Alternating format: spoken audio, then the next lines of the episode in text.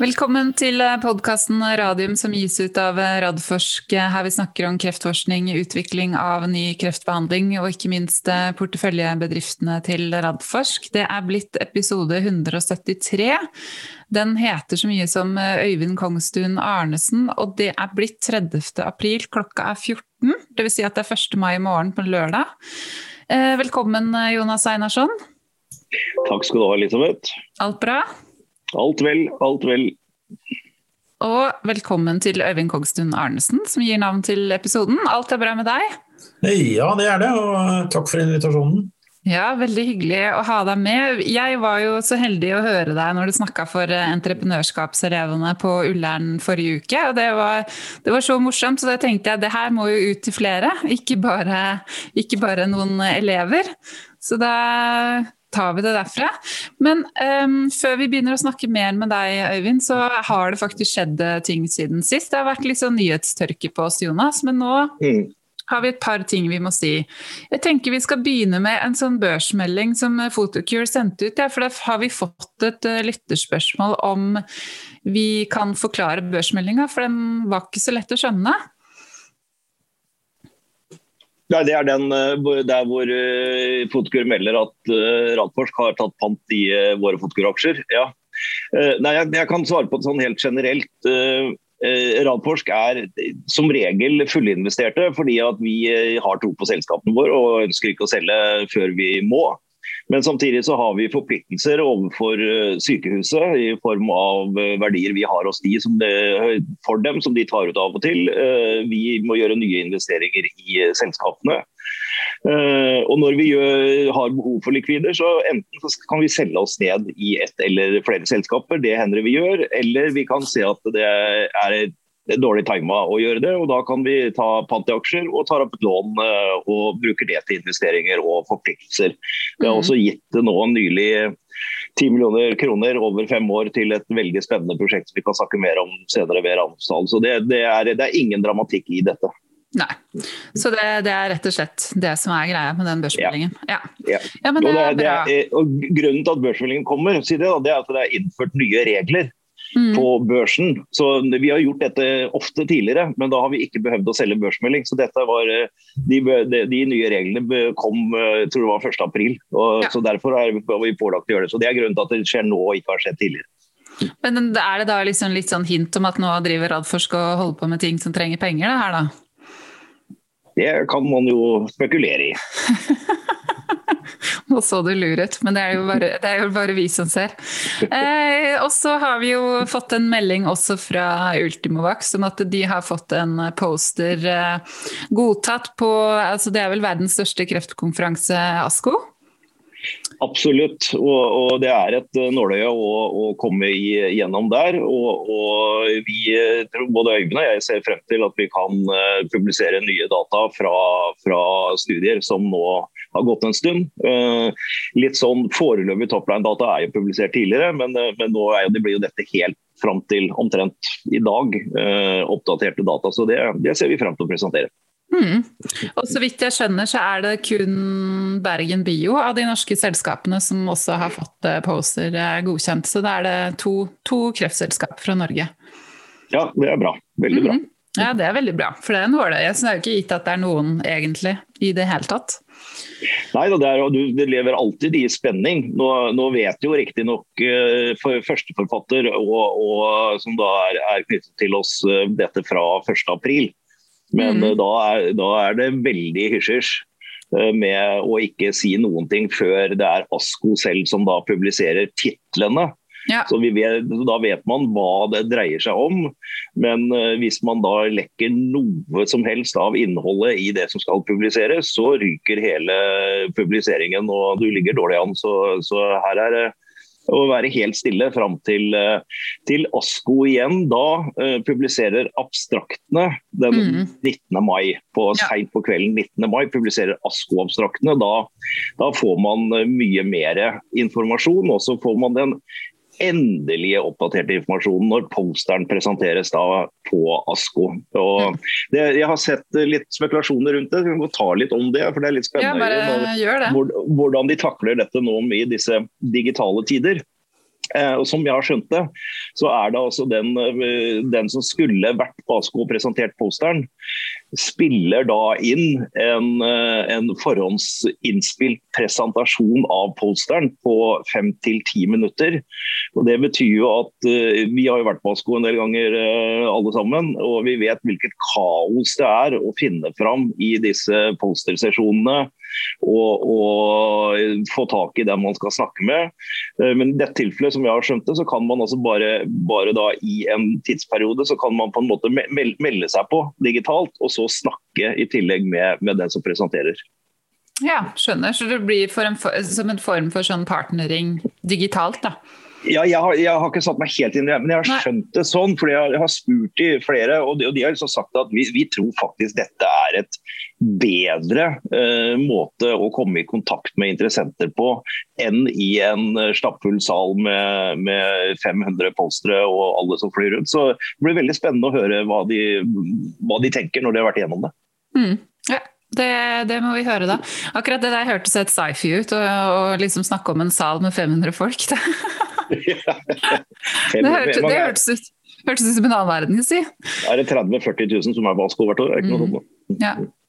Vi skal tilbake dit eh, i, eh, i nær, holdt jeg på å si, kanskje neste år allerede, når folk har fått vaksiner og sånt. Det, vi skal snakke mer om, om det seinere.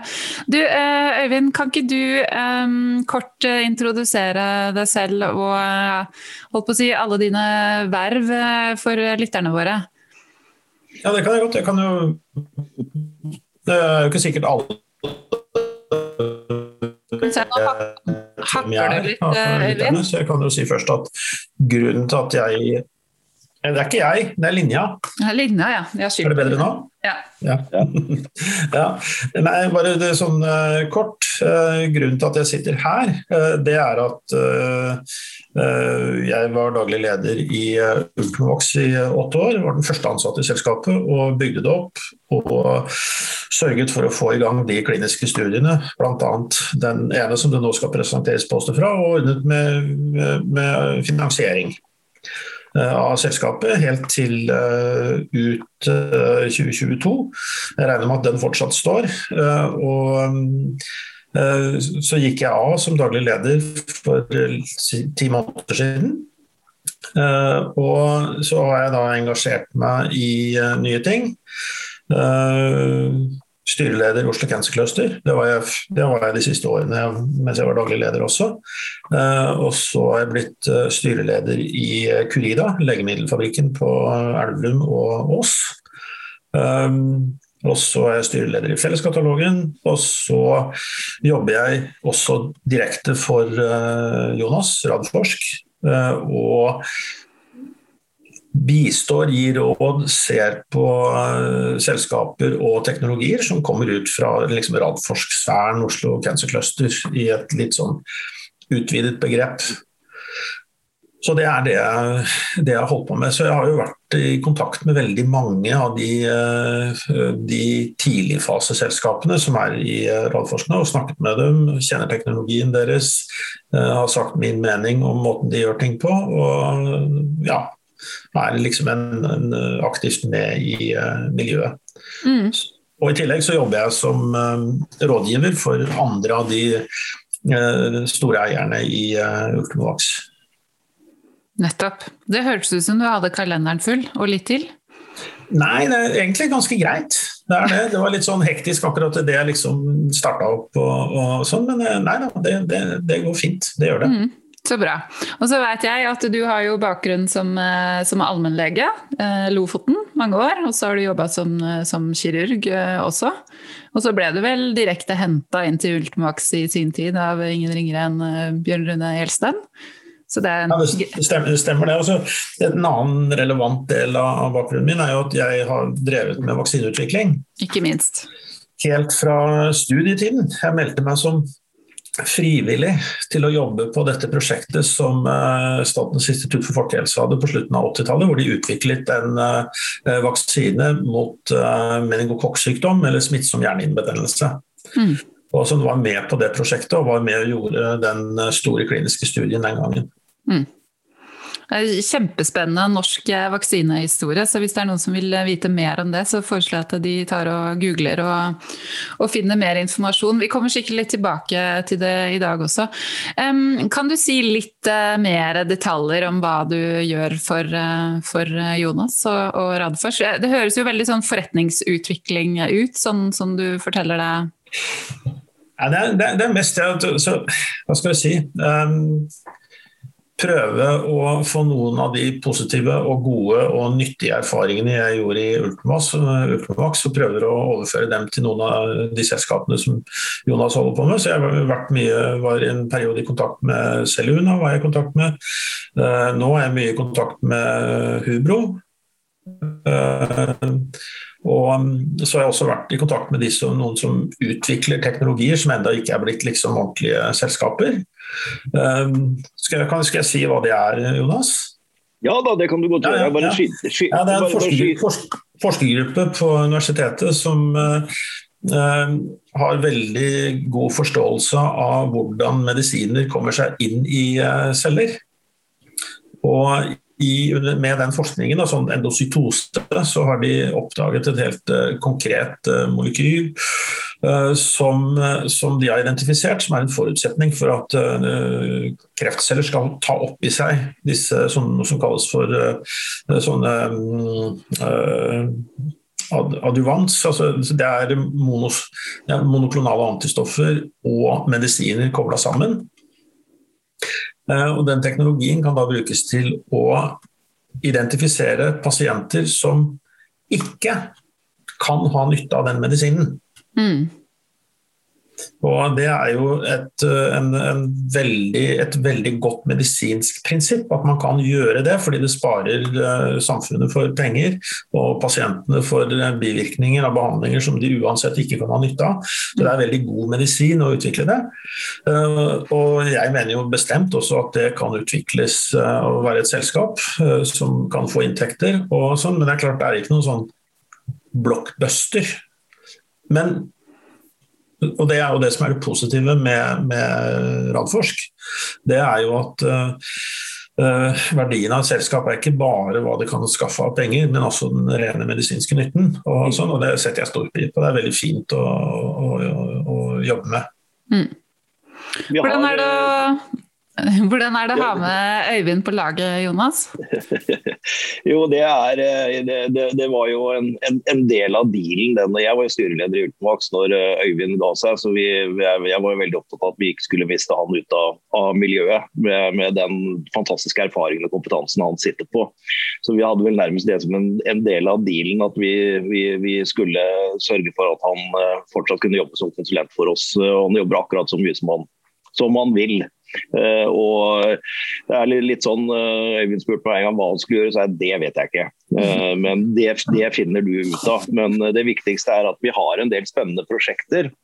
Og Anders og jeg har rett og slett ikke kapasitet til å gå inn og følge opp alle, alle nye prosjekter som vi ikke vet enda om skal bli til et selskap. og er, Vi ønsker at det gjøres mest mulig internt, sånn at eh, teknologien er så moden som overhodet mulig før vi eventuelt lager et selskap. Så Radforsk hjelper til med, med rådgivning på patentsiden, eh, advokatsiden, eh, andre ting. Og så mm, da med Øyvinds ikke minst sånn faglige råd, og som vet hva som skal til før vi eventuelt skal gjøre det til et selskap. Så, så det at jeg kan når det kommer forskere og banker på døra hos oss, oss, som har spennende ideer, enten at det ser veldig spennende ut kommersielt, men også da den, denne type prosjekter som jeg syns er viktig vi bringer videre, så er det stor nytte for oss at, at Øyvind kan på en måte være en, en aktiv mentor for, mm. for, forskerne. Så det er, det, det er viktig for oss. Mm. Ja, den eh, mentorrollen den er jo kjempeviktig. Og det er jo en rolle dere begge to har i forhold til elevene på Ullern også, på forskerlinja. Må jo nevne det. I tillegg til at du, mm. Øyvind, har vært mye inne og snakka både for entreprenørskapselever og, og andre andre elever. Jeg tenker vi kan zoome litt ut, Øyvind. Altså Helsenæring det er noe som Radforsk er veldig opptatt av å bidra til å bygge. Både liksom i det store med økosystemer, sånn som Innovasjonsparken og inkubatoren på Radiumhospitalet, men også i form av å da bygge enkeltselskaper. Altså, du har vært såpass mange år i bransjen. Vi glemte å nevne at du også har bakgrunn fra, fra legemiddelindustri, altså store globale selskaper. Hva må til for at vi skal lykkes med å bygge helsenæring i Norge, hvis vi ser litt stort på det? Jeg vil jo si at vi lykkes ganske godt allerede, men vi er jo i en, si, en opptrappingsfase. Og så mangler vi store lokomotiver. Så Eh, lokomotivene våre er liksom G Healthcare uh, mye, veldig mange som kommer derfra. Sånn, men eh, internasjonalt så er det et eh, relativt puslete lokomotiv. Altså. Så, så vi, vi, mangler, vi, vi, mangler, kulturen, og vi mangler, mangler, liksom Hva skal vi si for noe? Litt sånn ikke aksept, for den syns jeg er på plass nå. At vi er akseptert som, som seriøse. Men, men, vi blir ikke liksom betraktet som en, en uh, viktig industriell faktor. Det er fortsatt liksom der at vi, eh, vi, vi, må løpe rundt og fortelle at uh, dette er bra. Mm. Fordi at For de som uh, egentlig burde ha skjønt det for lenge siden, de, de, har, de har, ikke helt skjønt det enda, hva dette kan bli til og hva vi kan få til. Så Det er det ene, og det er et sånt langsiktig politisk uh, arbeid. Uh, når det gjelder mer sånne konkrete daglige ting, så tenker jeg at vi, det er uh, behov for bedre tilgang til, til privat risikokapital. Og at, at, det er kapital som kommer fra kompetente finansmiljøer som har til primærhensikten deres er å være langsiktige og, og bygge selskaper. Det er det som er liksom det primære med investeringene deres.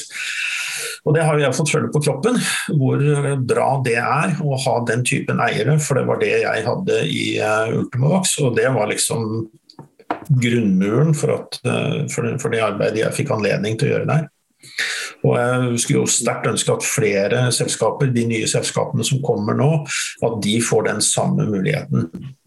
Mm. Og, det, er, det, det er et, eh, ja, det er litt sånn med Zoom-møter.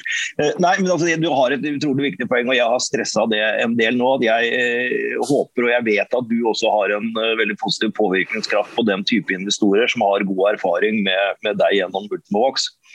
Og det er at de også kan tenke seg å komme inn i et så tidlig stadium som de gjorde, de som kom inn i Ultimovax. Selv om det er små dealer og, og, vanskelig å sette seg inn i teknologien. Så det å få de på plass i la oss si runde, runde, runde to eller runde tre i, i, i, disse selskapene når man skal hente 40-50-60-80 millioner, det hadde vært gull verdt. fordi at Hvis man da skal gjøre en skikkelig serie A-runde og har ordentlige corner-investorer, så må det være flere av de, så at ikke det er én som føler at den liksom skal bære og løfte det hele.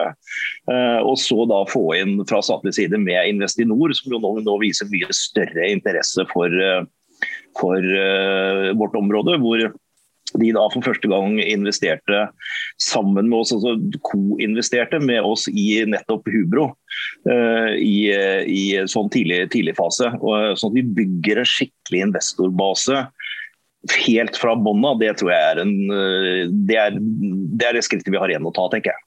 Mm.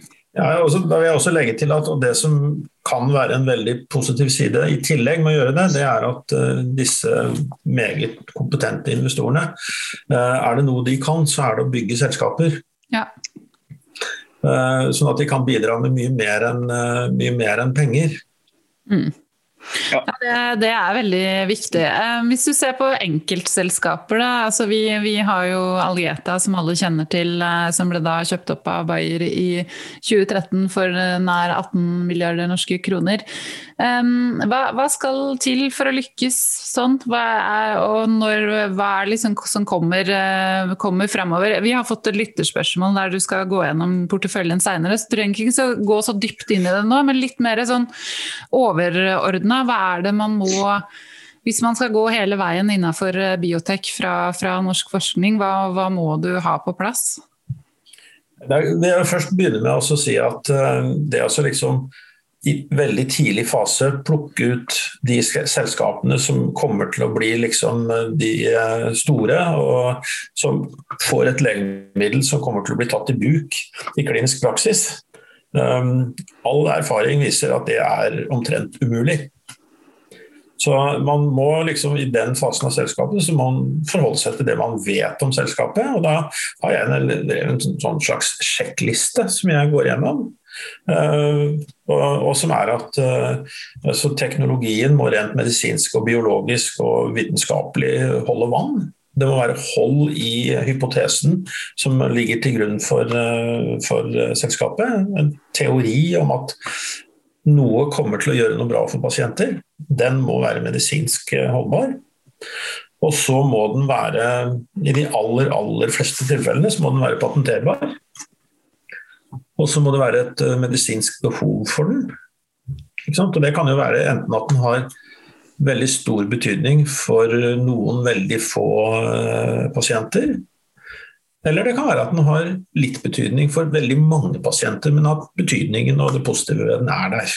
Man må, må gjøre en, eh, gjøre en, en, sånn betraktning, og så må den være brukbar. altså Den må være praktisk gjennomførbar i klinisk praksis. Mm. Akkurat det punktet så tror jeg kanskje at det blir veldig undervurdert når man ser på selskapene. For er det noe vi vet, så er det at det å innføre store rutineendringer i sykehus, det er tungt. Mm. Jeg tror kanskje det er litt det Fotokur har eh, merket. Er en ny måte å diagnostisere på. Og, og, sånn, og det, er, det, er, tung materie. Altså det er eh, Eh, sykehussystemer er ikke de som raskest hiver seg rundt og tar opp i seg nye ting, for å si det mildt. Men det snakker jeg om egen erfaring fra sykehus. Mm. Så er det en annen ting de må på plass, og det er jo at de må ha eh, Det må være eh, folk som er kompetente, og som har den rette innstillingen til det å utvikle selskapet og til det å dokumentere den behandlingen de skal, de skal gjøre. At det er, at det er troverdig. Mm. Og så skal jeg være litt forsiktig med å si at det må være folk som liksom har gjort dette ti ganger før. For dem er ikke mange av i Norge. Altså. Og det er ikke nok sånne i Norge til at vi kan dekke alle selskapene med det. Og derfor så er litt det med, så Da må man lage systemer da, hvor, hvor uh, folk med erfaring kan uh, komme inn og være mentorer og bidra. Og, og, sånn. og så er det da det siste som må være på plass, det er jo kapital. Mm. Og det har vi jo snakket om. og det, mm. det, det, det sa jeg hva jeg tenkte om på, tidligere. Mm. Det er viktige, viktige momenter. Jeg har skrevet litt om kliniske studier eh, for Invento i det siste. fordi det også er en viktig del av det å bygge helsenæring. At man, at man gjør kliniske studier, og at man kan gjøre det i Norge. Og det, og det som er eh, veldig positivt eh, å se, er at faktisk den handlingsplanen for kliniske studier, som jeg kan si har vært litt sånn skeptisk til, den, den virker mobiliserende nå. Virker som det er mange klinikere som bruker den på sykehusene for å få gjennomslag gjennomslagskraft. For at eh, nå sier faktisk helseminister og regjeringen at vi skal gjøre kliniske studier, så nå, nå setter de i gang. Så det, det er veldig, veldig gøy.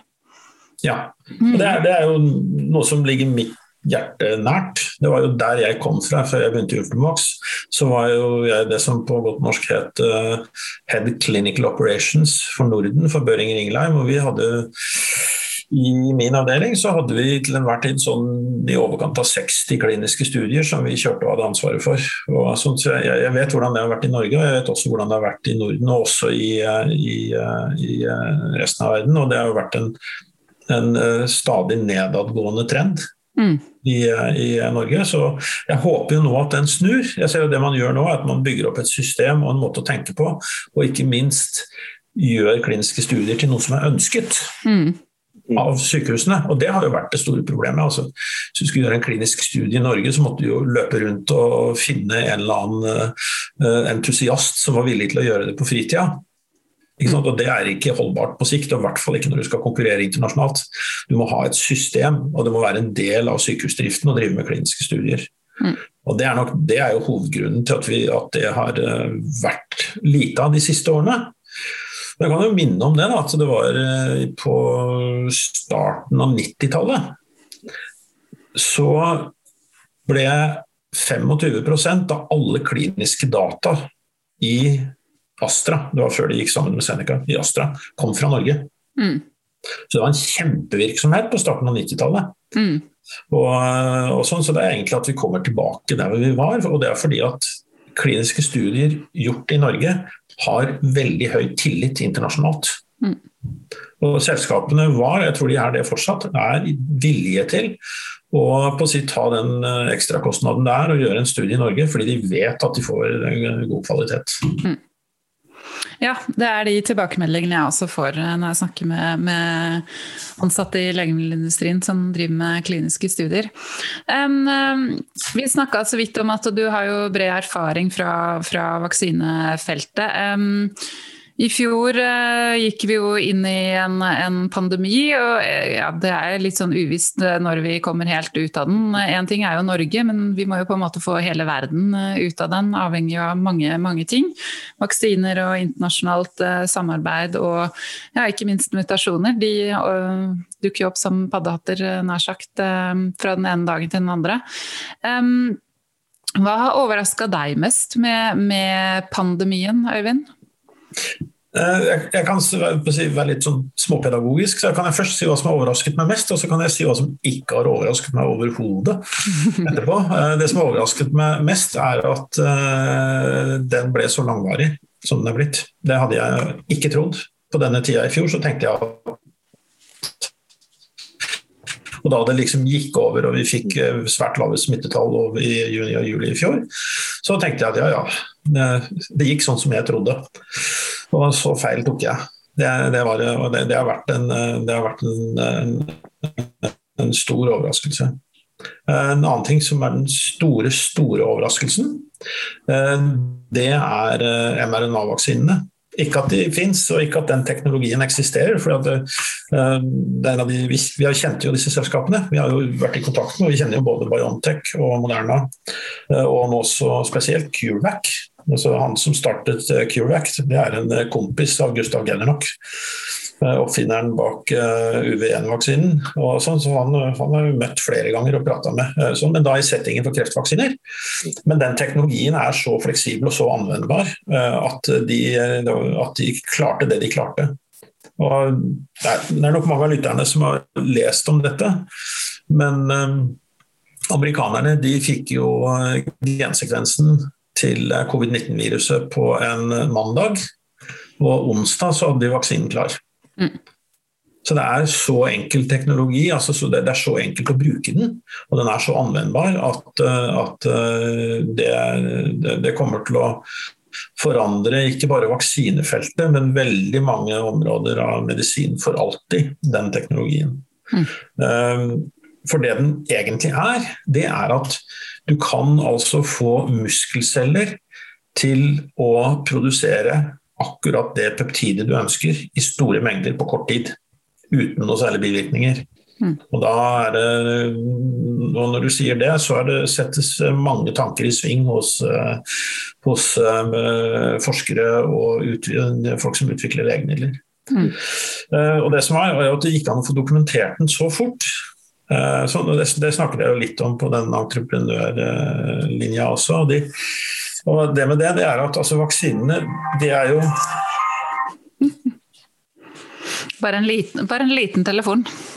En liten telefon. Ja, det er lov, det. Jeg prøver å skru den av så ikke det kommer igjen. Ja. Uh, nei, så, så, så mm, Skal vi se, hvor var vi? Jo, vi var på det du sa til entreprenørskapselevene, tror jeg du starta setningen Ja, det, det, det, var liksom snakk om hvor godt dokumentert er de og disse bivirkningene på AstraZeneca-vaksinen. Den er jo da ja. ikke en mRNA-basert vaksine. Så er jo antallet kliniske studier, nei, antallet personer som har vært inne i den kliniske utprøvingen, er akkurat som det pleier å være for en forebyggende vaksine. Så Det er ikke noe, noe spesielt. Men det er jo antall sånn type 30 000-40 000 som er med i de kliniske studiene. Mm. Og da skal du ha ekstrem flaks for å oppdage bivirkninger som opptrer med en hyppighet 1 per 200 000. De vil du ikke se, de vil du finne i klinisk praksis etterpå. Akkurat sånn som, sånn som nå. Mm. Og så er det spørsmål om langtidseffekter, langtidsbivirkninger. Eh, der syns jeg kanskje at myndighetene liksom har vært litt for betryggende. For der sier man at nei da, det kommer ikke. Men det, det, er jo rent faktisk, det vet man ikke noe om. Altså Hvis det dukker opp en bivirkning på de vaksinene to år etter at noen er vaksinert, så kan de naturlig nok ikke vite noen ting om det nå. og Sånn er det bare. Men det kan man godt si. Men det er ikke utelukket at det kan komme. Men det er ikke særlig sannsynlig. Mm. Det er det. Så, så jeg syns ikke det er noen begrunnelse for å ikke ta vaksinen på noen mm. måte. Nei, for det, Der hadde vi jo en spennende sesjon med de elevene. fordi um, De spurte deg jo om det da, om man burde bruke altså AstraZeneca. også til dels, ja, Jansen er jo lagd på samme måten, og der har man også sett noen, eh, noen tilfeller med, med blodpropp. Um, hva, hva tenker du om det? Nei, jeg tenker at eh, altså, Nå får vi jo mer og mer kunnskap om det, men uh, det er veldig mye vi mangler også. Men det det ser ut uh, som, og det, da må vi si litt om hvordan de vaksinene er laget um, mRNA-vaksiner så er det jo en streng med mRNA. Jeg skal ikke gå inn på å forklare hva det er her nå, men det er altså et templat for å lage et peptid, et protein. Og så sprøyter man templatet inn i muskelcellene, og så produserer muskelcellene peptidet etter templatet. Det, det er så enkelt. Uh, når disse andre vaksinene, så kan, sånn adenovirus-vektorbaserte vaksiner, uh, der bruker man en, nettopp det der. Det er en vektor. Der tar man for så vidt akkurat den samme templatet, men det man gjør der, er at man skjøter det inn i arvestoffet til viruset. Og så sprøyter man viruset inn, og så gjør viruset som de pleier. Da kaprer de maskineriet i cellen, og så begynner cellene å produsere eh, peptidet etter templatet.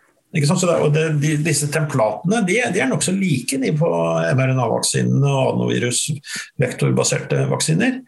Og, men, og, bivirkningene, disse blodproppene, ser jo nå mer og mer ut som de kommer ikke fra templatet. De kommer ikke fra det immunsystemet skal kjenne igjen for å beskytte deg mot covid-19. De kommer fra adenoviruset. Mm. Det er adenoviruset som utløser hos noen få mennesker produksjon av antistoffer som angriper blodplater. Mm. Og Da får du akkurat den der, den der dualismen. Eh, når du angriper blodplater, så blir det færre av dem. og sånn, Så de får såkalt trombocytopeni. Man tar blodprøver og så ser man at her er det fryktelig lite blodplater. Men samtidig så trigger disse Når disse antistoffene og blodplatene binder seg på blodplatene, så, gjør, så er sånne, sånne, antistoff Når antistoff finner det de skal angripe, så settes det i gang en hel masse reaksjoner. Bl.a. det at kogulasjonssystemet blir mer aktivt, og så blir det blodpropper. Mm. Derfor så får du den der dualismen. Mm.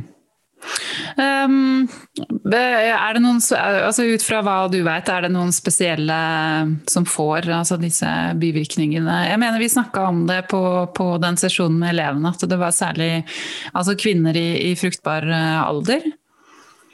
Ja, men da er spørsmålet det, det, er jo, det, det, er jo, også ofte fryktelig vanskelig å forstå disse gruppene når myndighetene snakker om det. Mm. Eh, fordi at Noen ganger så er det grupper som skal ha eller ikke skal ha vaksiner ut fra rene medisinske vurderinger og betraktninger. Mens andre ganger så er det ut fra noe man har observert. Eh, typisk sånn um, Man startet jo med å si at personer over 65 år skulle ikke få AstraZeneca-vaksinen. Det var ikke fordi man hadde noen teori om at det var farlig at de skulle få den, men den er ikke prøvd ut i den gruppen, så man vet ikke. Og Derfor så vil man ikke bruke den før man vet mer. Så det er en typisk en sånn begrunnelse for å ikke bruke vaksinen i den gruppen. Mm. Og så kommer disse blodproppene, og, sånn, og de kommer da, som du sier, kvinner eh, i fertil alder og sånn. og det der kan det jo ligge en ren biologisk mekanisme, at det er en eller annen biologisk egenskap hos de kvinnene som gjør at de får blodproppene. Det er en måte, en kan være én grunn. Men den ble jo gitt til eh, aktive helsearbeidere. Mm. Sykepleiere. ikke sant? Så det var nok en svær overvekt av, mm. uh, av de, uh, altså kvinner i fertil alder blant de som fikk vaksinen. Mm. Og hvis den bivirkningen oppstår med en viss frekvens, så vil det jo bare bli sånn. Da ser du det hos kvinner i ja. fertil alder. Mm. Så, så, og det betyr at man har Verken har liksom forska nok til å kunne forklare en mekanisme i befolkningsgrupper. At man kan begynne å plukke ut noen grupper på det grunnlaget. Så man, man har rett og slett ikke nok kunnskap og data til å være presise. Og da tar man føre-var-avgjørelser, sånn, som, sånn som er blitt gjort i Norge. Mm. Uh, ja, og det snakka vi jo også om, for vi får jo på en måte vite om disse da som, som på en måte tragisk nok har, har uh, dødd som følge av blodpropp uh, som kan ha kommet av vaksinen. Mm. Men vi, vi, får jo ikke vite Bare la meg fullføre resonnementet. Men vi får jo ikke vite om de som da samtidig dør av, av, korona fordi de ikke har fått vaksinen. Ikke sant? Det snakka vi litt, eller du snakka om det med ja. elevene om. Ja, og det, det, er et, det, er et, veldig, veldig viktig poeng. Og så det, det, jeg synes det, De jeg syns har sviktet mest på det området, eh, det er egentlig media. For de, de, slår stort opp, og de, de går helt inn på å identifisere enkeltpersoner som har fått alvorlig bivirkning og dødd av covid-19-vaksine. og Det er klart at det er tragedier. Det er helt genuine tragedier, og folk identifiserer seg med det. og Det, det skaper jo da en påvirker i veldig stor grad om folk ønsker å ta vaksinen. Mm. Men så har du den andre siden. Det, er da, så det var jo bare fire-fem uker etter at disse blodproppene ble rapportert, så rapporterte de om en mannlig helsearbeider på 36 år uten tidligere sykdommer som hadde dødd av covid-19. Eh, og Da satt jeg og ventet på at en journalist skulle stilt spørsmålet eh, hvis de ikke hadde stoppet bruken av AstraZeneca-vaksiner, hadde han vært redda da? Mm. Og Det er et høyst betimelig spørsmål å stille. Mm. Uh, og Så kan du stille spørsmål i forvaltningen, da, de som skal ta avgjørelsen om bruk av vaksinen. Hvordan liksom blir uh, begge sider av uh, saken tatt inn? og da det er da må å se på hvem det er som snakker, hvem det er som uttaler seg, og hva slags ansvar de har. Mm. og Jeg har veldig stor forståelse for sånn som Steinar Madsen tenker, i sin rolle. Han skal sørge for at de medisinene som blir tatt i bruk i Norge, Eh, at de er eh, trygge. Og, og, at de er eh, effektive. Og det, det, er, det, er, den vurderingen han skal gjøre. Han, det er ikke hans oppgave å vurdere de samfunnsmessige konsekvensene og sånn på lang sikt. Det er eh, til dels Folkehelseinstituttet, og er, til dels er det sånn som det er nå, så er det sånne politiske avgjørelser. Mm. Ikke sant? Og, mm. og det er at ikke det er tydeliggjort hvem det er som har ansvaret for å ta beslutninger basert på en helhetlig vurdering, både de medisinskfaglige og de samfunnsmessige. At det er ullent, det syns jeg kanskje er en av de største svakhetene med det, systemet vi har i Norge. Mm. Det, det, kan jeg være enig med deg eh, Men tross alt så har jo Norge klart seg utrolig godt gjennom eh, koronapandemien. Jeg, så, jeg tror du lurer på om det var på Twitter jeg så det. Et sånt um, timelapse-kart som viste altså, smitte i alle land i Europa gjennom året. Og det, det var helt utrolig å se hvor, hvor lite korona vi faktisk har hatt i Norge. Eh, og ganske betimelig å se da ved siden av Sverige, hvor det var stort sett eh, altså knallrødt eh, hele, hele, veien. Så ja. mm. altså, Jeg er også helt enig i det, men nå kommer vi inn på veldig mye som ikke er med liksom, mitt fag å gjøre. Så, mm. så om jeg liksom skal bruke, bruke medisinskfaglige kompetansehatten for å uttale meg noe som ikke er medisinskfaglig. Det, det, det pleier jeg ikke å gjøre. Det trenger du ikke å gjøre. så, så, men det, det, er klart, jeg, jeg, har jo meninger om det. Og, og, så, men jeg, jeg syns også, hvis du ser på det i det store og det hele, så, så syns jeg Norge eller Du kan jo bare se på tallene, så ser du at Norge har klart seg veldig bra. Mm. Eh, men så tenker jeg at dette her det har vært så komplisert på så mange plan og nivåer at jeg syns ikke det er eh, jeg tror ikke det er klokt og fornuftig å prøve å konkludere noe på hva som fungerte og hva som Vi må ha mer tid, og vi må ha det på litt større avstand. Og vi må ha mer data og mer kunnskap for å kunne gjøre gode vurderinger si, når vi skal ta det som en lærdom til, eh, til neste gang. Mm. Og så syns jeg at når man vurderer om eh, det ble tatt de riktige politiske avgjørelsene, så syns jeg det er veldig mye tendens til, til at man baserer kritikken på det vi vet i dag. Og Det syns jeg er ganske urettferdig. Man må, må, man må, akseptere at de tok eh, beslutningene på det grunnlaget de hadde den gangen. Mm. Eh, I medisin altså, vi, vi, pleier å kalle det der for, sånn, eh, det for retroskopi. Og Det er altså verdens mest presise diagnostiske instrument. Det er retroskopet. Mm. Det er bare at du, du, kan ikke bruke det til å diagnostisere med. Det eneste du kan bruke det til, det er til å lære av det. Mm.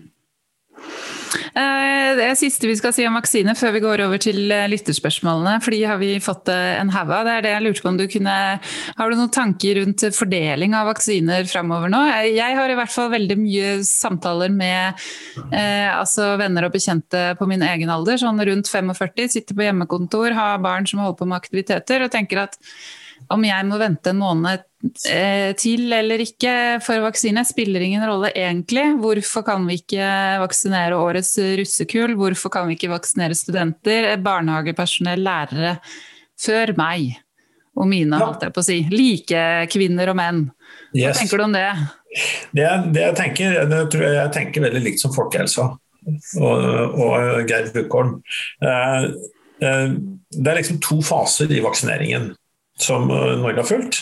Eh, det første man sa, det var at vi må beskytte eh, folk for å dø av covid-19-infeksjon. Da må vi vaksinere de som har størst risiko for å dø av covid-19-infeksjon. Ganske enkelt og, og, og, klart, og det gjorde man. Og ser at det virka. Det er jo nesten ingen gamle som dør av covid-19 lenger. Det er omtrent helt stopp. Og så tror jeg akkurat nå så er vi litt sånn Altså, og Den neste fasen det er å vaksinere så stor del av befolkningen som mulig for å, for å få flokkimmunitet. Det er, og det er to, to forskjellige hensikter med, med vaksineringen. Eh, der hvor vi er nå, så er vi liksom sånn, akkurat i en sånn mellomfase. Vi driver fortsatt og vaksinerer uh, folk med høy risiko fordi de har høy risiko. Men de, blir, de, de aller fleste av de er etter hvert vaksinert, og da går man over på ren sånn intensjonen og hensikten er åpne flokkimmunitet. Og da vil jo jeg tenke som så at da er det mer sånn Da er det ikke så farlig lenger spiller ikke så stor rolle. Da må man liksom, ja, Men jeg tenker jo det at da, da, bør man jo, for å få flokkimmunitet, så bør man jo vaksinere de befolkningsgruppene hvor smitten er hyppigst først. Mm. F.eks. russ. Ja. Så det, det, har en god begrunnelse også. Og så kan du legge på toppen, da, og dessuten så, så er liksom sånne mer uh, å ta hensyn til, og det har de fortjent, uh, tankegang. Mm. Ja, så tenker jeg litt i forhold til livsstil også. Det er ikke så innmari farlig for meg å løpe rundt eh, på, på nattklubb, eller i hvert fall ikke russekro. Det er jeg altfor gammel til. ja, ja, ja, nei. Og det er litt sånn, litt sånn jeg tenker. Men jeg, tror at nå er det ikke så nå er det ikke så farlig lenger. Det viktigste Nei. nå er at man får bare satt alle dosene man får inn i Norge. Mm. Bare få dem ut, altså. Ja. Så, så, så dette, kommer dette til å roe seg ned. Og, sånn. og så, så, er det dette med mutasjoner, da, som du snakket om. Det er ofte å si noe om hva som overhodet ikke har uh, overrasket meg, og det er mutasjoner. Mm. Altså Virus muterer hele tida. Det er uh, helt uh, garantert. Og det er sånn um, Jeg leste en god artikkel en gang som het 'New Stars or Better Telescopes'. For det er akkurat det det er. Altså, hvis du hvis, for 15 år siden så hadde du aldri visst om mutasjonene, for hun hadde ikke teknologien for å påvise dem. Men de er ikke blitt noe farligere for det. Men det er at nå har man den muligheten, og da ser man det. Og, og da I starten er det første som dukka opp, var den engelske mutasjonen. Og, og, hvorfor den liksom ble den engelske mutasjonen? Jo, for det var ikke så innmari mange steder i verden at man drev med sekvensering på, i, av store mengder av de prøvene som ble tatt. Men i England så var de veldig aktive, og gjorde masse sekvensering. Og selvfølgelig var det de som fant den mutasjonen først. Da. Og etter hvert så har dette kommet etter. Og, sånn, og det kommer til, mange, kommer til å komme ja, 40-50 mutasjoner til. og sånn. Mm. Det som er kjernen i saken, det er om viruset muterer i deler av genomet som koder for antigenet i vaksinene. og at de mutasjonene er så omfattende at uh, de antistoffene og T-cellene som du fikk dannet av vaksinen, ikke lenger er i stand til å kjenne igjen viruset. Mm. Det, er, det, er, det store. Er, men nå er det jo det, da. Eh, med denne mRNA-teknologien så det, er det veldig enkelt å oppdatere vaksinen. Og det er veldig godt å høre at myndighetene kaller det for å oppdatere vaksinen. At det ikke er nye vaksiner som må gjennom en fullstendig ny eh, utprøving. De kan ikke og endre dem litt, sånn at de tilpasser seg mutasjonene. Og jeg ser jo nå at de, har, de andre vaksinene slutter å virke, så er ambisjonen at man skal ha klart å vaksinere faktisk hele verdens befolkning innen 100 ja. dager. Ja, det er stilig. Så det er, det er helt, eh, det er helt og for meg som har drevet med vaksiner og skjønner eh, dette her, så er det altså et kvantesprang teknologisk som, som jeg tror det er få som egentlig har fått tatt inn over seg. Mm. Ja, det er gøy. Du Jonas, før vi går over til spørsmålene, har du noe, har du noe å tillegge? Nei, Jeg syns dette her er som, som, alltid kloke betraktninger fra Arnesen. Uh, jeg er enig i det, i det aller meste. Jeg er også enig i det, det selv om det igjen ikke er mitt fag, med at der vi har kommet nå, så gjelder det å få satt flest mulig vaksiner så fort som overhodet mulig, istedenfor å bruke tid på å krangle om eller hvem, hvem som skal få første eller ikke. Så, så jeg, jeg syns det er, en, er, helt riktig. Nå er, nå er, det å få flokkimmuniteten som er, er det som er, det aller viktigste. Mm. Uh, og så når vi skal vaksinere hele verden, hvis vi skal klare det innen 100 dager med, med mye mRNA-vaksiner, så er jo det en kjempeutfordring. Spesielt i i, eh, i, andre land med store avstander. Og, og, dette med som jo er, eh, mRNA-teknologien sin litt sånn akilleshæl med, med at den eh, logistikken er så utrolig vanskelig.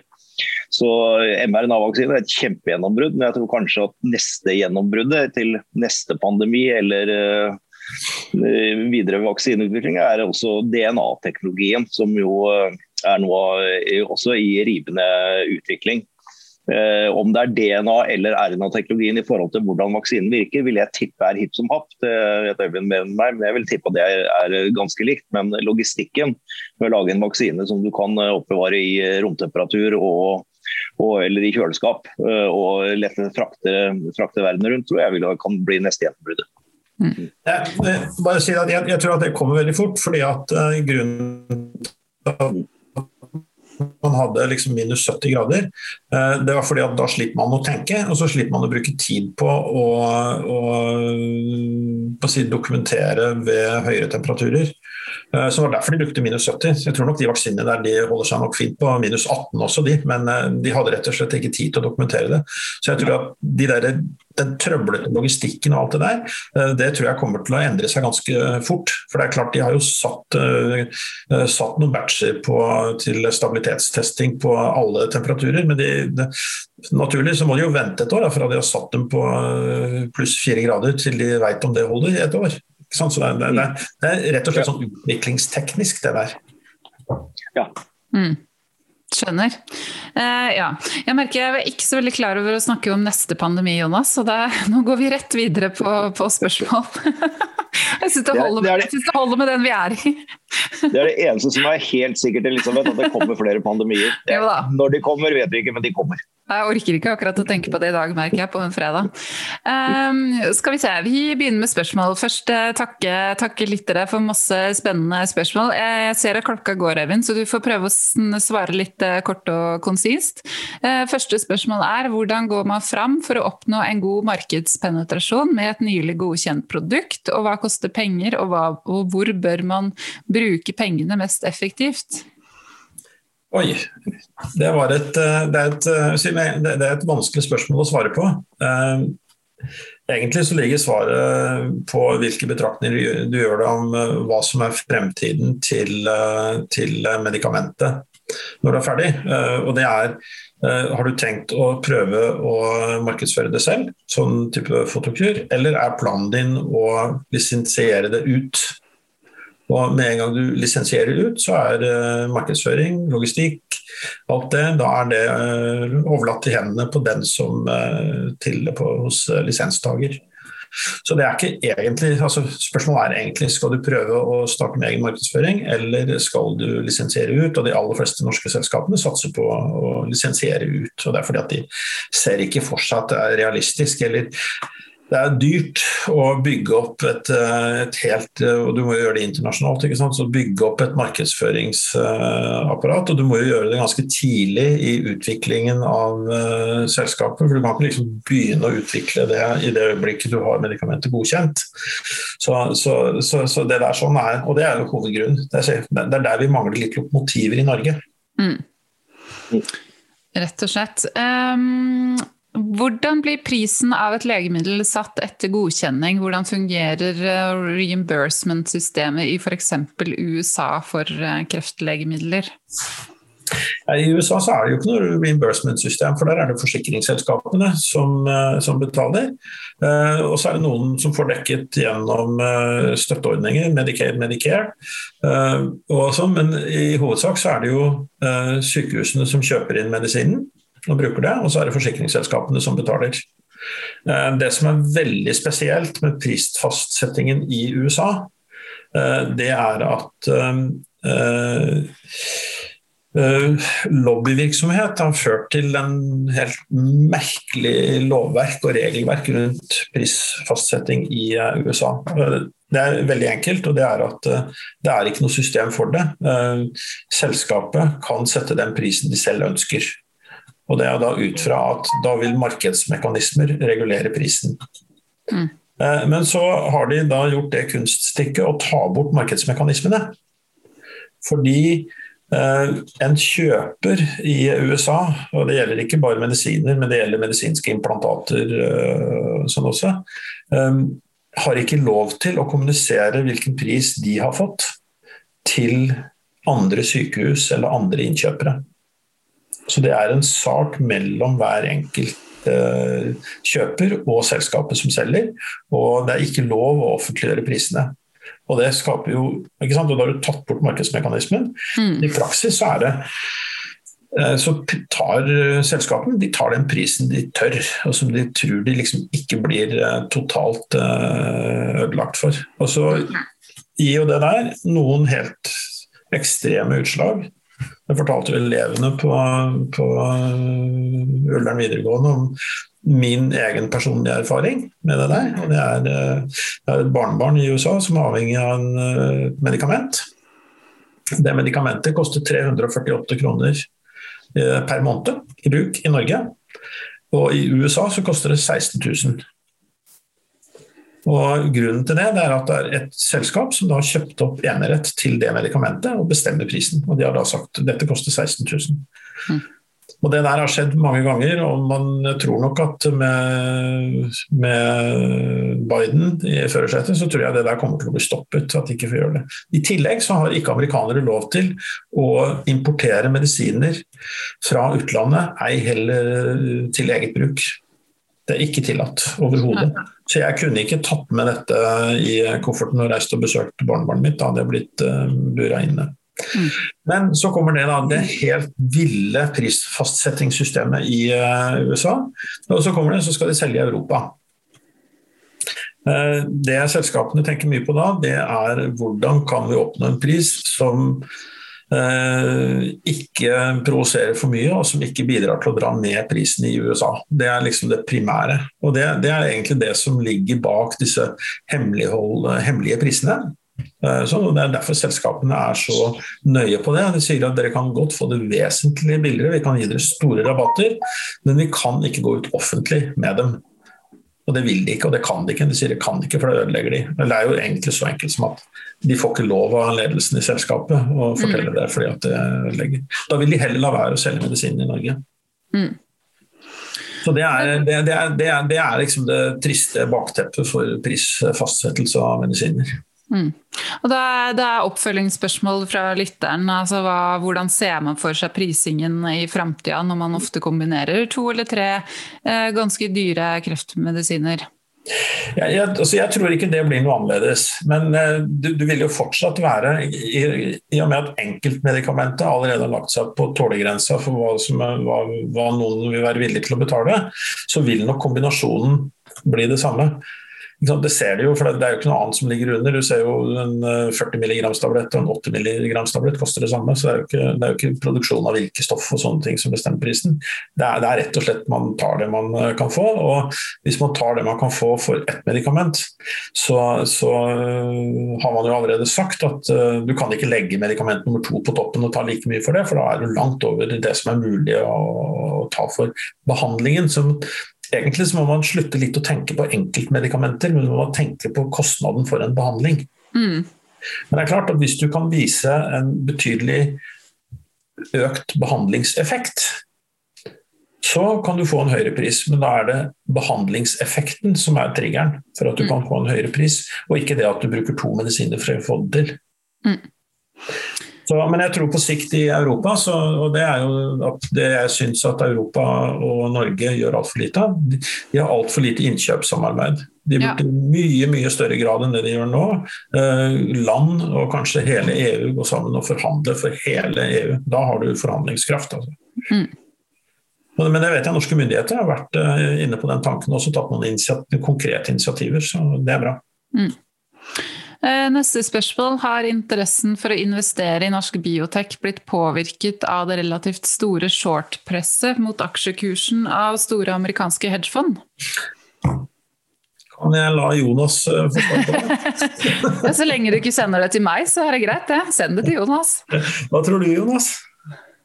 Nei, jeg, jeg syns dette er veldig vanskelig. og Jeg må ærlig innrømme at uh, hele dette opplegget med, med short Jeg må, måtte jo sette meg ned og faktisk sette meg inn i det. Jeg skjønte hva de, hva de egentlig driver med. Det er jo et veddemål da, om å drive kursen nedover. Uh, det, jeg tror nok at i enkelte av selskapene i, i Norge så er, er, det en grunn til at kursen har blitt holdt ned. Og, og jeg syns jo det er en uting å låne ut aksjer til shorting. Du tjener noen promiller på det.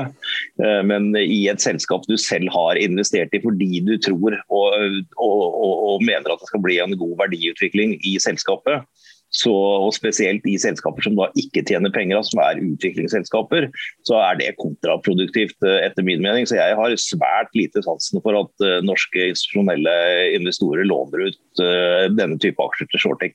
Mm. Da, da, tenker jeg du svarer noe lignende på neste spørsmål. Hva tenker du om at store investorer som blir invitert med i emisjonene, skaper minimal meravkastning på å låne ut aksjene sine til hedgefond som jobber aktivt for å skape kursfall? Ja, nei, det, det, det, var egentlig det jeg svarte på. Ja. Det, jeg tror det har en viss innvirkning, og, og jeg mm. har ikke satsen for det.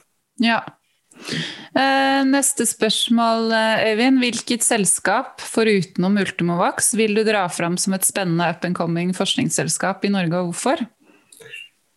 Du, det, det, har jeg lite lyst til å svare på, egentlig.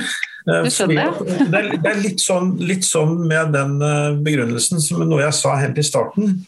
Og det er fordi at Jeg kan nevne flere selskaper som jeg syns er veldig bra. Sånn, men, men det at jeg syns at selskapet er bra, øh, og gjør gjort en god, øh, god, vurdering av det, øh, det betyr ikke det samme som at jeg tror at de har størst sjanse for å lykkes. For det ligger i teknologien deres og den teknologiske risikoen. Og dette er biologiske systemer som er fullstendig uforutsigbare. Det er derfor vi gjør kliniske studier. Og sånn, sånn at det er egentlig, egentlig helt, helt, umulig å mm. si noe om, så det har jeg ikke noe mening om. Nei. Eh, og jeg kommer helt sikkert til å bli overrasket på hvem det er som lykkes, men jeg kan si noe om eh, hvem jeg syns er bra, og det er jo de som jeg er liksom tettest på. Da. Og sånn, Jeg syns jo både Seluna og Hubro er veldig eh, gode selskaper. Og så vil jeg også trekke fram ett til. Som jeg har virkelig syns er dyktige, og som har kommet langt, og det er Adjutec. Mm. Det, er, det er veldig veldig bra selskap. Og så er det et selskap til. Da må jeg tenke meg litt for å huske hva de heter. fordi Jeg vet ikke om Jonas vet om dem engang. du skal breake dem på podkasten? Ja, men det er kult. Det liker vi. Ja, nei, de, de, åh, det er jo forferdelig at jeg ikke husker navnet deres. Nei, men kanskje, kanskje, du kommer på det hvis vi snakker litt uh, videre? Jeg snakker litt om det. Kanskje ja. Vet om det. Nei, de, eh, de bruker uh, alger som utgangspunkt. Og de utvikler medisin mot cystisk fibrose. Som gjør eh, slim eh, eh, løsere og lettere å hoste opp og mindre utsatt for infeksjoner. Mm. Og, sånn, og de, de, de er jeg satt og De presenterte, jeg gikk gjennom teknologien deres og selskapet. og De har jo drevet dette helt fram til fase tre-studier, uten Oi. egentlig å ha gått ut og hentet så fryktelig mye penger. De har fått det gjennom den amerikanske cystisk fibroseforeningen som en stor del, som har finansiert en stor del av aktiviteten. Mm. Og, så, men de har veldig gode resultater, og selve konseptet og prinsippet er uh, veldig bra. Uh, er det Tromsø-selskap, eller som nei, de jobber med alger? Nei, det er, nei? egentlig fra Drammen. Ja, ja. Skjønner. Nei da, jeg, jeg klarer ikke denne fredagsquizen. Men jeg er nødt til å finne navnet og så sende til deg. Så ja, jeg skal legge, legge, det ut. Ja, det var veldig, veldig flinke folk altså, og, og lovende teknologi. Ja, spennende. Så det er ikke bare Radforsk? nei, nei, men det, det, får vi virkelig ikke håpe. At det bare er Radforsk-selskaper som skal ut og gjøre det stort. Det, vi trenger masse flere enn oss. Um, neste spørsmål. Tror du at selskap som jobber med adenovirus blir rammet omdømmemessig av redselen rundt AstraZeneca-vaksinen? Det er så omdømme hos hvem? Nei, altså at selskapet blir eh, rammet av omdømmet. Jeg, jeg, tror, eh, Hvis jeg skal tolke lytterne her, så tenker de vel Targovax, gjør de ikke det, Einarsson? Jo. Nei, altså jeg tror ikke det, og det er ganske lett å begrunne også. Eh, eller jeg, i mitt hode så har ikke de observerte bivirkningene på, på covid-19-vaksinene har veldig lite med, med Eh, den teknologien til Targovax å gjøre. Det er klart at det fins en mulighet, men det er veldig stor forskjell på å drive og vaksinere hele befolkninger og vaksinere kreftpasienter. Og du husker på at den, Selv med AstraZeneca og Janssen-vaksinen, eh, så er sannsynligheten for å få disse blodproppene de er forsvinnende små.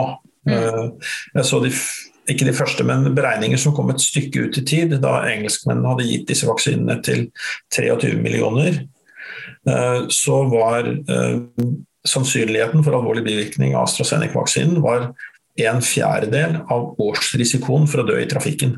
Ikke sant. Ikke sant? Så du er på det nivået, og du tenker, tenker, sjelden på dødsrisikoen når du setter deg inn i bilen for å kjøre et sted. Mm. Uh, og Targovax-teknologien vil bli brukt på så få mennesker at eh, det kan hende det vil dukke opp en blodpropp blant de som en gang hvert 20. år. Men igjen sant, så er det en hyppighet som er veldig mye uh, lavere enn det vi normalt aksepterer. Mm. Så det er uh, Ibux har uh, mye større hyppighet av alvorlige bivirkninger enn AstraZeneca-vaksinen. Mm. Og den selges uten resept. Ja. Neste spørsmål. Hvor tett regulatorisk knyttet er adjuvans og selve antigendelen i en vaksine? Kan man bytte adjuvans underveis i en utvikling og, eller etter produktet er på markedet, eller kreves det et nytt klinisk løp? Det er også et, vanskelig, et veldig vanskelig spørsmål. Eh, fordi at eh, Det vil jo bli sett på som et nytt altså hvis, jo, Adjuvans brukes jo på to forskjellige måter. Det ene det er at de brukes hver for seg, altså type sånn som Ultimovax gjør, hvor de injiserer GMCSF først. Mm. Da er det ett medikament. Og så injiserer de antigenet etterpå, som er medikament nummer to. Eh, I de fleste infeksjonsforebyggende vaksiner, da snakker jeg ikke om covid-19-vaksiner, eh, så er eh, adjuvansen en del av selve vaksinen, og det er liksom bare én sprøyte. Så jeg tror ingen egentlig vet hvordan det er, men at det er noe man kan diskutere med myndighetene. Men vi har jo hatt den diskusjonen mye i Ultimovax tidligere, og med andre vaksineselskaper også. og da er Det sånn at det vil si det som det en vaksine gjør, det er å skape de T-cellene som man har satt seg fore. Man har sagt at de T-cellene her tror vi kan gjøre nytte. de ønsker vi å lage. Mm. Og det er antigenet som bestemmer det. Hvordan de T-cellene skal se ut. Og om du da injiserer det på en bestemt måte, eller om du bruker en adjuvans eller et eller annet, så er jo det bare noe man gjør for å få store mengder av akkurat de samme T-cellene. Så jeg ville nå liksom stemt for at uh, vaksinen, selve vaksineprinsippet og det som ligger bak den, det er antigenet. Mm. Det andre det er bare metodikken for, å, for, også, for, for at T-cellene i det hele tatt skal komme. Så jeg ville sett på det som to forskjellige ting. Altså. Ja. Og jeg har også tenkt på at hvis du, det, det, er jo det vi gjør, sånn som Ultimovax, de dokumenterer jo at pasienten har fått akkurat de T-cellene de ønsker seg. Og det gjør de. Da er de såkalt immunrespondere og sånt noe. Eh, hvis du gjør akkurat det samme med akkurat samme antigen, men bruker en annen adjuvant, så du dokumenterer at de får akkurat de samme T-cellene i forhåpentligvis enda større mengder, så er det i prinsippet egentlig samme vaksina. Mm. Men det er ingen som har prøvd det. Nei. Så det er, et, det, er et, det er et åpent regulatorisk spørsmål. Men jeg har jo tenkt at kanskje noen internasjonalt at man kunne slå seg sammen, og så kunne man ta en diskusjon med EMA og eventuelt i USA med FDA. At uh, Be om å få en uttalelse eller en utredning om hvordan de ser på det. Mm. Neste spørsmål. Kan du forklare litt om hvordan en vaksine produseres? Hva er GMP, og hvordan utvinner man komponentene? Dvs. Si hvem gjør hva? Ja, og hvilken av vaksinene? Nei, Eh, kan du ikke ta Ultimax, da? Ultimax, ja. ja det er nærliggende. Ja, og såre enkelt. Eh, der består vaksinen av tre peptider. Og de, er, de produseres syntetisk. Dvs. Si at man lokaliserer og finner en fabrikk eh, som er kjempeflinke til å skjøte aminosyrer i riktig rekkefølge og gjøre det rent. Det er det eneste den fabrikken skal gjøre. Og det er det Ultimovax gjør. Det er måten man produserer det på. Uh, og så, uh, Når da de er ferdig, så foreligger de som en flytende væske. Og så blir, de flytte, blir, den væska transportert til et annet sted. Og Det eneste man gjør der, er at man tar bort vannet, man frysetørker, og så blir det et hvitt pulver som ligger på det glasset. Og det er hele produksjonen. Det er veldig enkel teknologi. Kjempeenkelt. Mm. Um, og Det foregår i to faser. Den første som er til sånn fase 1 hvor du trenger noen tusen glass. og sånt, og Det gjøres på noe som ligner nesten bare på et laboratorie. Det er ikke noen svære greier. Men så må du jo ha ambisjoner om at dette skal produseres i mange kilo. Og Da må du ha en stor industriell prosess, og den store industrielle prosessen må du etablere. Og Den må du etablere så tidlig i selskapets uh, historie at du har store mengder uh, vaksiner klart i det øyeblikket du starter store studier. Eller det kan komme store studier, og du kan jo være heldig at de kommer før du egentlig hadde planlagt. Og Det er fryktelig leit å stå og ikke kunne starte sånne studier fordi du ikke har vaksine. Så det var vi veldig bevisst på i Ultimovax. Vi sa det er en finansiell risiko å etablere storskalaproduksjonen i så tidlig fase som som eh, vi gjør nå. Men det potensielle tapet ved forsinkelse fordi vi ikke gjorde det, rettferdiggjør at vi gjør det nå. Det var sånn jeg tenkte. Ja. Mm. Uh, og det er neste spørsmål. Uh, hvor mye koster det altså, å produsere en vaksine? Ta Ultimovax sin vaksine igjen, da? Det syns jeg Ultimovax må svare på. Det vil ikke jeg svare på. nei, det er greit. Er det, nei, vi har kanskje ikke noe annet eksempel på hva noe sånt kan koste? Nei, men jeg kan si generelt da at Ved eh, peptidvaksiner så er det de kaller for cost of goods er, eh, er, er en veldig liten del av kostnaden ved å ja. utvikle. Det er en, det er en, eh, en sikker og, og, rimelig metode å, å produsere et legemiddel på. Skjønner. Mm. Eh, jeg tenker Vi tar et spørsmål til deg nå, Jonas. Eh, jeg tror det var i siste podkasten hvor vi hadde med oss eh, Jon Amund fra Hubro, at du muligens kan ha nevnt at i en lysende framtid, der både Ultimax og Targovax og Hubro har lykkes og er på markedet, så vil det være mulig å bruke disse medisinene i en cocktail. Ja, altså det, dette går helt tilbake til, uh, til 90-tallet 90 og tidlig 2000. Uh, eh, når vi begynte å diskutere dette med, med Gustav Gautnak og Jon Amund og co. Uh, hvor de da hadde identifisert disse tre targetene. Til og med rase, KRAS og det, disse frameshift mutationene. Uh, og da sa vi at liksom, En sånn fremtidig drøm kan jo være at man uh, hos en pasient uh, er jo, Ultimax-vaksiner er den universelle, mens disse andre er rettet mot mutasjoner som ikke er i alle krefttyper. Mm. Da kan man si at Hvis man har en kolorektal uh, kancerpasient uh, som både har MSI-mutasjon og KORAS-mutasjon, og da blir behandlet uh, i kombinasjon med en checkpoint-inhibitor med, med en, en, eller annen vaksine som inneholder alle disse tre, vil ikke da sannsynligheten for å få en ordentlig sånn fangeeffekt være, være større. Men, men, dette er jo ikke noe noen tenker på å gjøre nå. Det er mer en sånn, det, det har liksom vært den drømmen hele tiden. Og kan jo være som du sier, at noen tenker den tanken videre hvis selskapene klarer å utvikle disse vaksinene. Så det er mer en sånn løs tanke. Det er ikke noe vi har tenkt å gjøre. Nei. Den, eh, den, som lever eh, får se. Um, det siste spørsmålet vi har fått, er i forhold til om du kunne gi en vurdering av uh, altså de børsnoterte selskapene, blir du vel i i tillegg til Hubro. Eh, I Radforsk, eh, eh, spørsmålet er å se på kliniske programmer og muligheter til å nå markedet. Vi får ta det veldig kort, fordi klokka går. Hvis vi begynner med Vaxibody Jeg synes, det, igjen, så syns jeg dette er vanskelig. Altså, jeg liker ikke å, å, rangere selskaper på Nei, jeg tror ikke det var meningen at du skal rangere. Spørsmålet er litt sånn mer om du kan vurdere kliniske programmene og muligheter. Men hvis du syns det er litt sånn uh, utafor, så dropper vi det. Jeg tror vi skal droppe det. Ja. ja jeg, jeg, kan, jeg, kan, redde deg litt der. Eh, fordi at eh, jeg, er, men, altså, jeg er helt enig med deg, og jeg får jo veldig ofte dette spørsmålet også. Ja. Og jeg sier at vi, vi, Når vi investerer i et selskap, så investerer vi i etter de kriteriene som Øyvind gikk veldig nøye gjennom eh, tidligere her.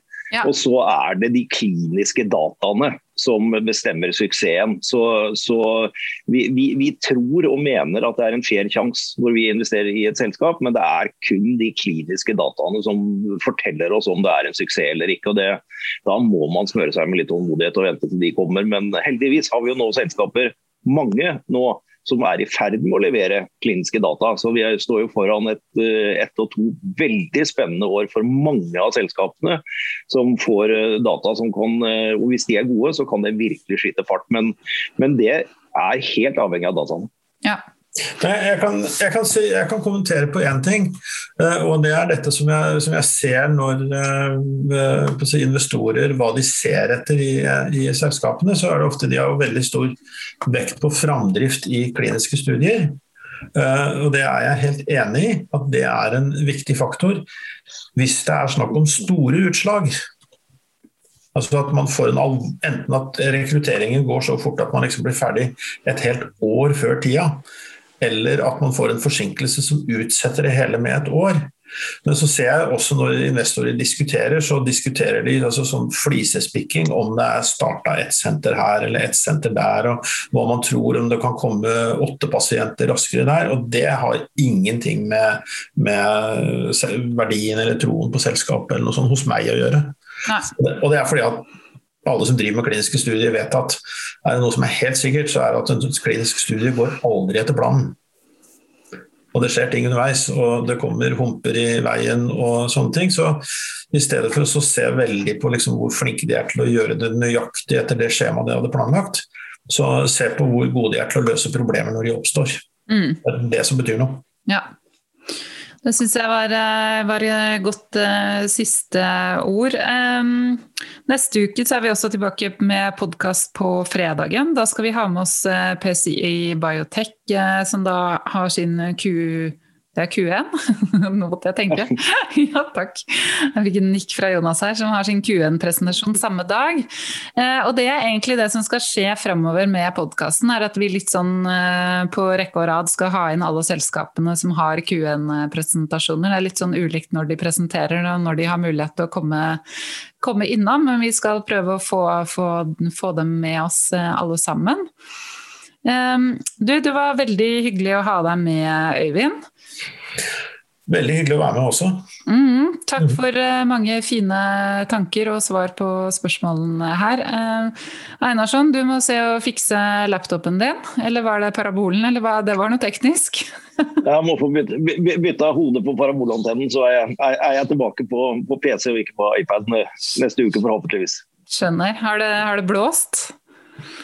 Det vet jeg ikke. Det, bare, det, ble dødt, det ble dødt her. Det ble dødt, ja. Men det er bra. Da er det bra det er eh, fredag, fredag og det er helg, så kan du få det litt stillhet og fred rundt deg. Hva er det du sa for noe? Åtte timers eh, Teams-møte her om dagen? Det høres litt i overkant ut? Ja, det, det, det, er jo sånn, eh, bare sånn helt til slutt så er det litt eh, både fordeler og ulemper med, med at vi kjører allting på Teams. Eh, fordelen er jo at det blir veldig effektivt. Men ja. ulempen er jo at du liksom setter opp ett Teams-møte fra 10 til 12 og neste fra 12 til 2, og du rekker jo knapt å gjøre det man skal gjøre sånn helt naturlig i, i, i dette. Og, og det, blir, det, det, blir, mye å, å, ha disse møtene sånn back to back, men, men det er dundrende effektivt. da, det er det. Ja. Ja. Nei, du må passe på å legge inn litt sånn kaffepauser, men da må du passe på å skru av mikrofonen. For jeg satt nemlig og så på et digitalt møte i går hvor de hadde lagt inn kaffepause, som jeg syntes var en veldig god idé. Jeg eh, trengte ikke å gå og hente meg kaffe, så jeg ble bare sittende der og hadde i høretelefonene mine, og da hørte jeg alt hva de snakka om. Så det Kan ikke folk bare lære seg å slå av mikrofoner? Ja. Nei, men dere må ha en riktig god helg. Og Einarsson, da er vi tilbake i podkast igjen neste fredag. Den er grei. Takk for i dag. Mm, takk for i dag. Ja, takk for meg. Ha det godt. Ha det.